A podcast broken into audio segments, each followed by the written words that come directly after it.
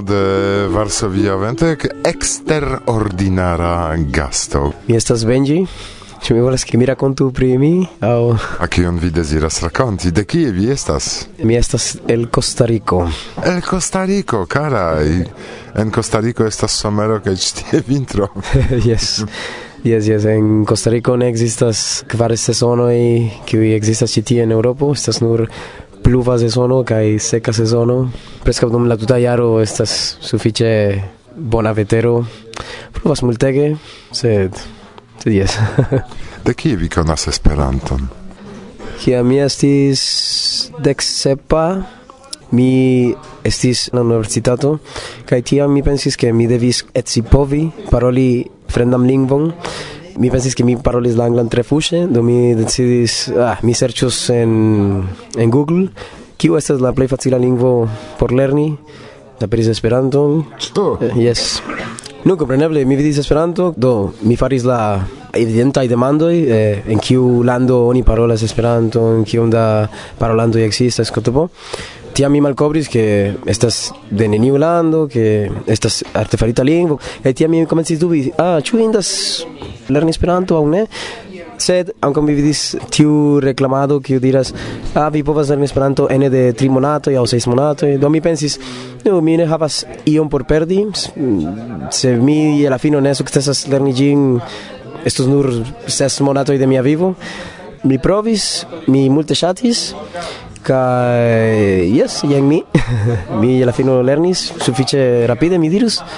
Tamen tiam mi ne havis homojn kun kiuj praktiki aŭ ekzerci do mi simple parolis kun mi mem aŭ mi simple verkis etajn tekstojn por mi mem Sed estas esperantistoj en Kostariko. Mi jam scias ke estas kelkaj esperantistoj, Tamen che a mil comenzi a lerni, mi rimarchi che sti mal facile contatti ultime ili nestas attiva i esperantisto, ili si può vas esperanto un sed caieble ili ne esisti un malferma i al paroli min mi rimarchi stiam do mi simple acceptis la facton che mi havus esperanto kiel mia secreta lingvo.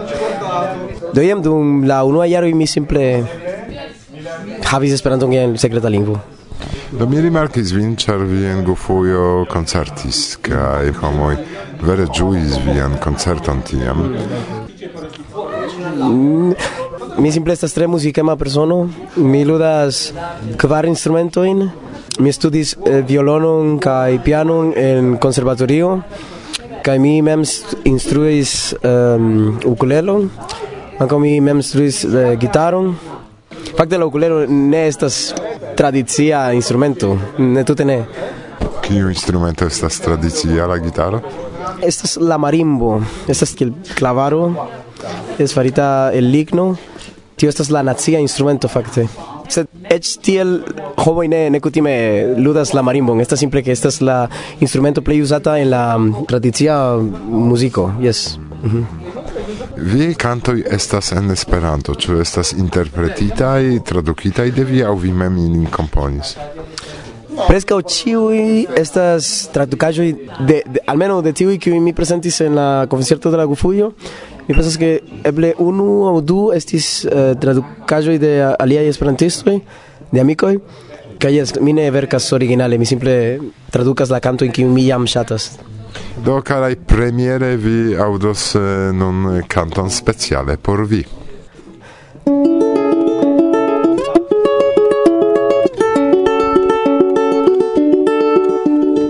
Blanc nigra filma camera suno col vitroi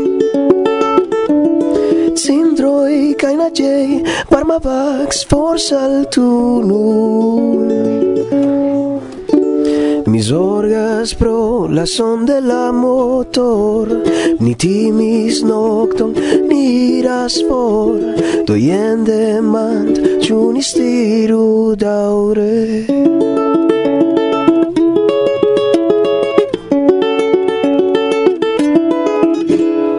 Du pankukoj, kafo acersi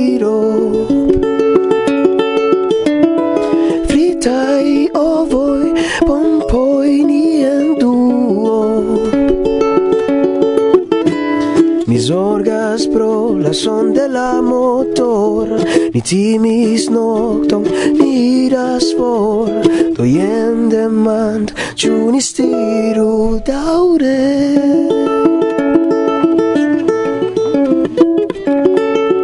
Ciu ni stiru daure Yes.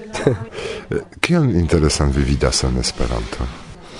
Mm, no, por mi Esperanto estas grava, ĉar ĝi estis la afero que permesis al mi ec voyage. Ok, do... Estas grave la homo in que mi povas coni en ĉi tiuj kongresoj. Mi jam partoprenis tri junularajn kongresojn kaj ekde la unua mi jam faris tre bonajn amikojn kiuj mi multe aprezas kaj kiuj mi ne ŝatus perdi. Sed mm, mi ne scias, ankaŭ mi konscias ke nun mi estas en la epoko en kiu mi plej facile povas veni congresso in uh, Esperantumi, sed mi pensas ke eble post du tri jaroj tio ne estos tiel facile. Ĉar ekzemple mi nun ne havas devojn, mi ne havas eh, infanojn aŭ mi ne devas zorgi pri tiaj aferojn, do mi volas profiti da nunan momenton. Kion vi ŝatus diri al esperantistoj en la mondo en Kostariko? Mm, saluton al, al vi, se vi aŭskultas min, eh, se vi lernis Esperanton, eh, certe vi estas mojosa persono, kaj jes, pura vida. Multan dankon.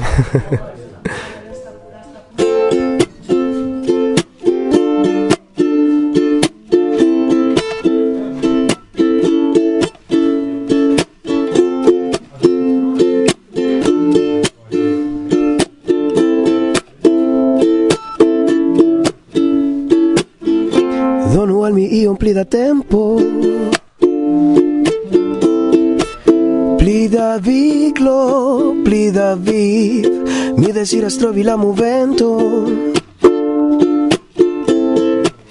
Chi hambrenas, chi Dios mi Tu no vi, foncai atento.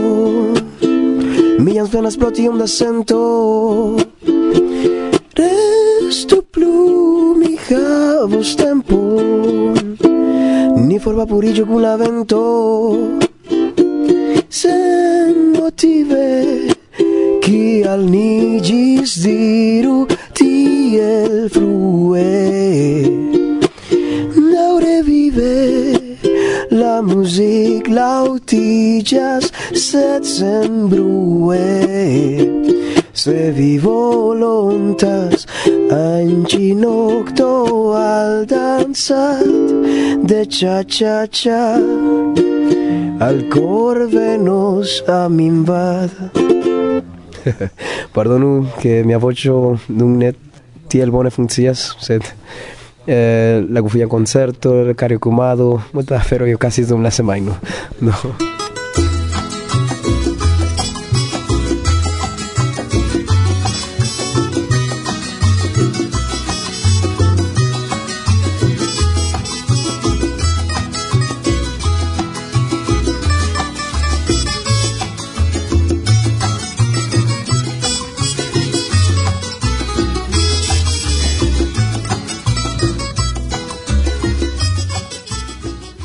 invitas a escutar o programa Varsovia Vento bla bla bla. Saluton. Pro carnavala periodo kai la pasinta el sendo, kiu etose rilatis antau cio al la junulara Esperanto semaino, nun antau mi du numeroi de monato, la decembra kai la januara. Yes, mi rimarkis, ke bite aperis jam la marta. Se vi interesidas do pri la novajoi, mi recomendas exci ilin recte de la cefredaktoro mem, conforman ligilon vi trovos en la prescribo. Saluton, Paulo! Kai kio en la decembra? Multe. Komence frostigis min foto sur la covrilo, kiu prezentas detruitan enirejon al nealta domo au palaceto. Tavol ligna kovraĵo anstataŭ fenestro parto de giardeno kie inter la verdaj folioj de neflorante ancora tag lidioi kiel opinias Irek videblas kvazaŭ silueto de stonigita probruligo homa corpo clarigas tion granda fraptitolo muzeoi de Ukrainio en la milito. La articolo trovigas fina de la revuo sur la dudek kvara paĝo kadre de rubriko Kulturo kaj milito. NG, Svitlana Havriluk kaj Nina Daniluk klopodas prezenti detale tristan bildon pri stato de muzeoj kaj historiaj kulturaj rezervejoj entuŝita de la milito Ukrainio. Auskultu iomete. La problemo de defendo de la muzeaj kolektoj en Ukrainio aperis en la jaro 2004, kiam Rusio kontraŭleĝe anektis parton de ukrainia teritorio la duon insulon Crimeo formale kaj la regionon Donbaso fakte. Gi fariĝis pli akra post dudek kvara de februaro 2022, kiam komenciĝis la plenskala milito kaj kiam la rusia armeo invadis Ukrainion. La enkondukon sekvas prezentado de multaj detruitaj kulturaj objektoj kaj klarigo. Laŭ oficiala informo antaŭ la milito funkciis pli ol kvincent muzeoj kaj sepdek ses historiaj kulturaj rezervejoj, ale la monda heredaĵo de UNESCO apartenas sep ukrainiaj memorobjektoj. Komence de 2003 en Ukrainio oni nombris jam ducent kvardek du detruitajn kulturajn objektojn. Ĉu la ukrainoj faras ion por savi la kulturajn valoraĵojn? Se jes, kion ili faras? Mi rekomendas kompletigi vian scion pri la milito pere de prilaboro de Svitlana Kajnina. Varbis mian atenton ankaŭ alia anoncita sur la kovrilo titolo de Bert David el Nederlando. Pardon petoj pro sklavigo. Por ke vi havu orientiĝon pri kio temas, aŭskultu fragmentoin. La deknaŭan de decembro du mil dudek du la tiama nederlanda ĉefministro Mark Rutte en speciala parolado oficiale pardonpetis pri tio, kio okazis en la pasinteco pri sklavigitoj, kiujn nederlandaj komercistoj aĉetis el Afriko aŭ Hindio kaj vendis al la estroj de kultivejoj pri sukero, kafo, tabako kaj simile. Fakte, komerco pri sklavigitoj ne estas tipe nederlanda afero. La Britoj estis eĉ pli gravaj komercistoj pri sklavigitoj en la deksesa gis la deknaŭa jarcentoj. Entute pli ol dek du milionoj da sklavoj estis transportitaj de Afriko al la Amerikoj. La pardonpetoj de la ĉefministro en decembro 2012 ne sufiĉis por iuj organizaĵoj kaj personoj. Dum vizito en Arubo, insulo en la Cariba regiono, la kronprincino audis lautan desiron de studentino en la Aruba universitato, ke la pardon petu – si cantis malnovan sclavan himnon, cae cantante si estis forportita. La reagoi de la plimulto de la Surinam devenaj logiantoi estis favoraj. Calcai postulas compensan monon, sed por la plimulto plei gravas ke la oficialai representantoi de la nederlanda stato esprimis sian bedauron pri pasinta fiagado. Alilande, exemple en Britio, oni ancora un estis tiom matura por oficiala pardon peto, Same en Belgio oni evitis tiun tiklan temon, char oni timas postuloin pri compensopagoi. Anta ulo de la nuna regio causis sufiĉe da soferoi en Kongolando, lia kolonio. Tiel, ke la nunaj regantoi belgai evitas pardonpetojn. Yes. Pli kai pli venas tempo por recalculoi pro cruelezo de la colonia periodo, sed kio pri francaj, hispanaj, portugalaj pardonpetoj? Ĉu Bert respondis ankaŭ al tiu demando? Nu, ne rigardu min. Ne nur tiuj du artikoloj varbis mian atenton en la decembra eldono. Tamen, ĉar mi deziras prezenti ankaŭ la januaran, mi mencios nur ke interesajn faktojn mi eksciis el artikolo ĉu ankaŭ Niĝerio spertos puĉon, interesajn, ĉar kelkaj najbaraj landoj jam spertis ĝin, kio starigis demandoin ancau pri la politica situatio en tiu regiono. Kun atento mi tralegis ancau articoloin. Irano reductis la productadon de ricigita uranio. Intrigo de la pasintai electoi temas pri Turkio. Kai respondon al la demando al kiu dio preĝas Kiril? Al kiu? Exiu mem. Compreneble, multe pli da interesai temoi mi trovis en la numero. Ancau iun kiu quasau concernas min, nome Podofolibro, bela sed neoportuna, en kiu fondinto kaj administranto de la cina retejo reto.cono Liu Xiaojiao, pardonu pro mia ĉina, prezentas siajn spertojn pri legado de la bitaj eldonaĵoj. La januara monato turnas atenton per bildo de vestita modeste, sed corp pentrita aborigeno dum danco. Kio estas quasau fono al la granda fraptitolo, sen resulta referendumo por agnoski la unuain popoloin de Australio. Mi ne scias ĉu li dancas kontraŭ aŭ pro, sed verdire varbis mian atenton unue alia, malpli granda anonco – milito inter Israelo kaj Hamaso. Mi pensas ke ankaŭ vi unue ĝin rimarkus, kaj la revuon malfermas ĝuste la temo plej terura masakro post holokausto.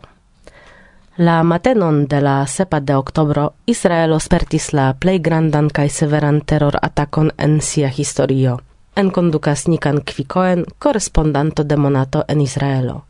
Pli ol mil kvarcent homoj estis murditaj inclusive de infanoi, maljunuloj, virinoi kai laboristoi emigritai el aliei landoi. Tio estas la plei granda masacro de judoi post holocausto. La enkondukon sekvas amplexa clarigo pri cirkonstancoj de tiu cruela atako, intensoi de Hamas, misinformado, respondo de Izraelo, reago de aliei landoi, sed permesu, che mi lasos la temon por vi. Ancau, char simile al tio, kio okazis post anecto de Crimeo, la esperantistaro grave dividigis je diversaj ofte malsamai opinioj. Kion pri tio pensas Nikan Kvikoen, correspondanto de Monato en Israelo? Exciu mem. Kion mi? Mi sentas doloron vidante victimoin de ambau flancoi, kiui sufere pagas pro culpo de la aliai kai grave flustras min foje malamika discuto inter la esperantistoj, char kiu kiel kiu, sed ni povintus compreni ke spite al cio unueco in diverseco estas la unu sola solvo. Ec audu mesajon de René de la juna voce el Francio, kies paroladon irek prezentis en la pasinta elsendo. kai estu nikune char nia estas esperantistoi Kaj nun revenos mi al la danzanta borgeno. Al la sen resulta referendumo, pri kiu scribis correspondanto de Monato en Australio. La dec quaran de octobro 2023 en conducas Jonathan Cooper okazis referendumo en Australio por modifi la constitucion por agnoski la unuain popoloin de la lando per starigo de constanta indigena voĉo ce la australiai parlamento cae registaro. Char la plimulto de la civitanaro en la plimulto de la statoi vocdonisne, la referendumo malsukcesis. La fono. Ekde 1973 estis starigitaj ses apartaj organizaĵoj de indiĝenoj, kiujn la registaro konsultis pri aferoj kiuj rilatas al indigenoj. La ĉefa celo de ĉiu organizaĵo estis helpi egaligi la vivkondiĉojn de indiĝenoj kaj neindiĝenoj, aparte pri sano kaj bonfarto. Krom unu, ĉiu organizaĵo estis malfondita. En 2016 kaj 2017 serio de regionaj dialogoj okazis en multaj diversaj partoj de Aŭstralio, kulminante en la Nacia Konstitucia Konvencio ĉe Uluru antaŭe konata kiel Rokego Ayers, en 2017 la delegitoj tie subscribis dokumenton la ulurua declaro el la coro. Kaj kio estas en la dokumento? Kiel aspektis la referenduma kampanjo? Ĉu vere ci opinias ne? Mm, vi scias, ke mi ne malkaŝas la respondojn. Sed kion ne diri, la Australia indigenoi ne atakis la nepoin de iamai britai krimuloj por murdigi ilin, char ne al ili apartenas la terra Australia. Tamen, malgrau diversai malfaciligoi, oni povas alie, ĉu? Irek ne rigardas min severe, char en la pasinta elsendo mankis por mi spaco en la programo, tamen ancao mi ne deziras paroli tro longe. Mencios mi do, che con granda intereso mi tralegis sekvan artikolon de Leonardo Araya, correspondanto de Monato en Cilio. La titola Malfacila vojo al unueco rakontas pri tio, ke ekde kiam Latin Americo estas Latin Americo, Giai logiantoi comprenas che giai landoi nascigis en la sama sinsekvo de coloniado cae sendependezo, cae ili stias, che ili cun havas aspectoin de la sama America culturo. Dankale Leonardo vi povas legi pri du projektoj de unueco, kontribuo de UNESCO kaj eksiis supozeblan nestontecon de la latinamerika makroregiono. Tre interesa artikolo. Dankon! En tiu monato vi povas legi inter alie ancau pri paca uzo de droneoi, pri la plei malnova maratono de Europo, pri malaperintai beboj en Koreio kai politiko de unuigintai nacioj. Interesa estas opinio de René Triol el Francio en artikolo ne mortigu instruistoin, cae ancau pli proximigo de la temo pri la perditai planlingvoi en la articolo La Latina sen flexio de Cristina Casella, correspondanto de Monato el Italio. Turnis mian atenton crome articolo de Roberto Pigro, Noam Chomsky, imagita babilado cun granda usona lingvisto. Yes! longe rakonti kion ancora interesan en la januara monato mi trovis. Tamen, kvankam en la pasinta el sendo iom mi pauzis, ne pauzis Irek, kiu...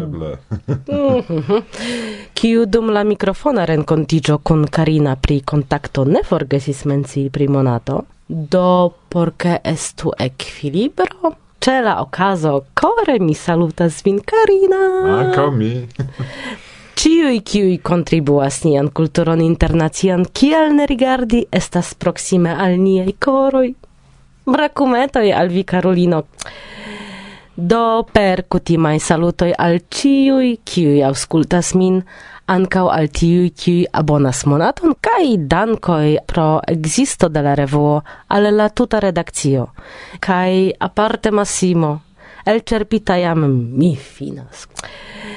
Ne pro legado de monato mi perdis fortoin. Tro longe amicece paroli, sen biero, estas malfacile. Tion vi ne sed Irek malpermesas al mi trinki bieron antau kai dum la registrado. Do, pardonu, la botelo staras antau miam, kai nun finfine mi raitas trinki. Dankon, Agnieszka.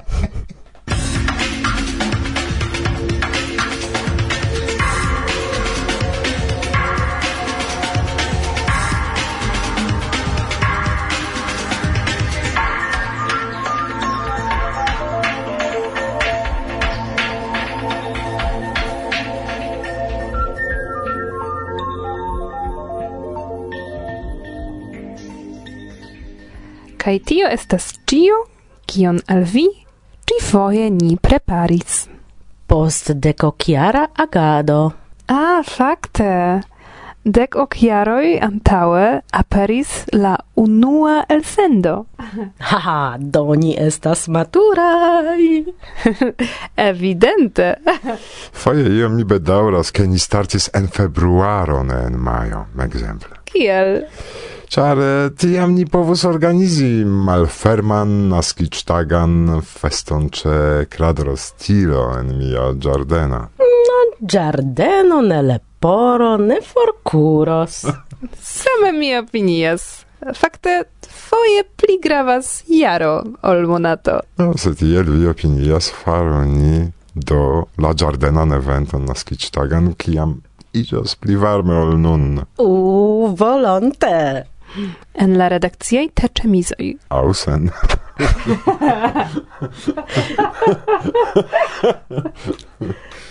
Kaj torto estu forme de mikrofono?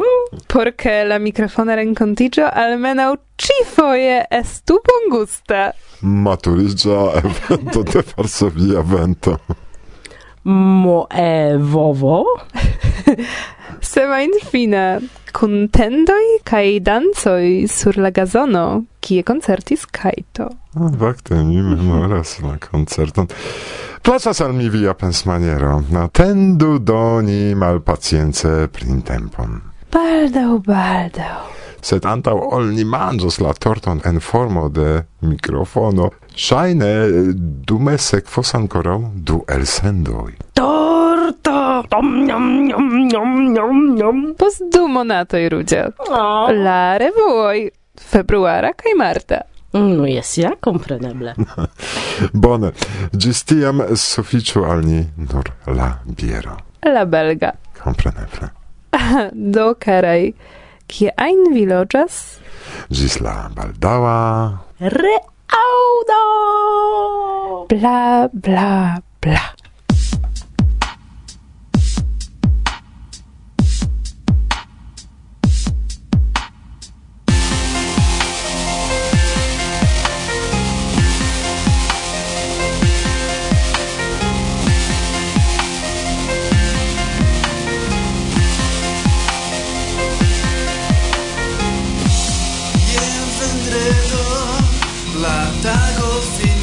Jes ŝi forlasas laborejon Por metroe reveni hejmen kiel ŝi venas? Vesperiĝas La nokto aperas Ŝi forlasas la preĝejon. Gardi fidon je sola dio kiel ŝi dubas?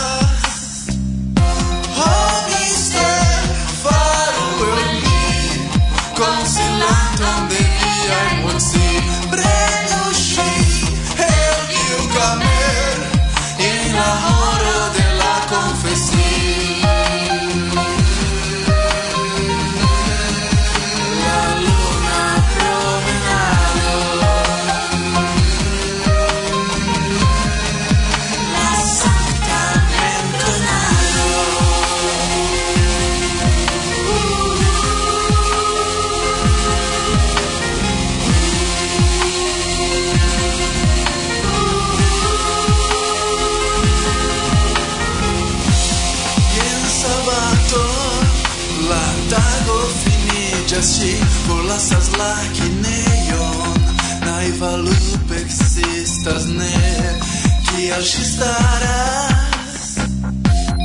Vesperiĝas. La nokto aperas Ŝi forlasas la drinkejon De ĝojo ebria kaj de feliĉo. Kie ŝi tra nokto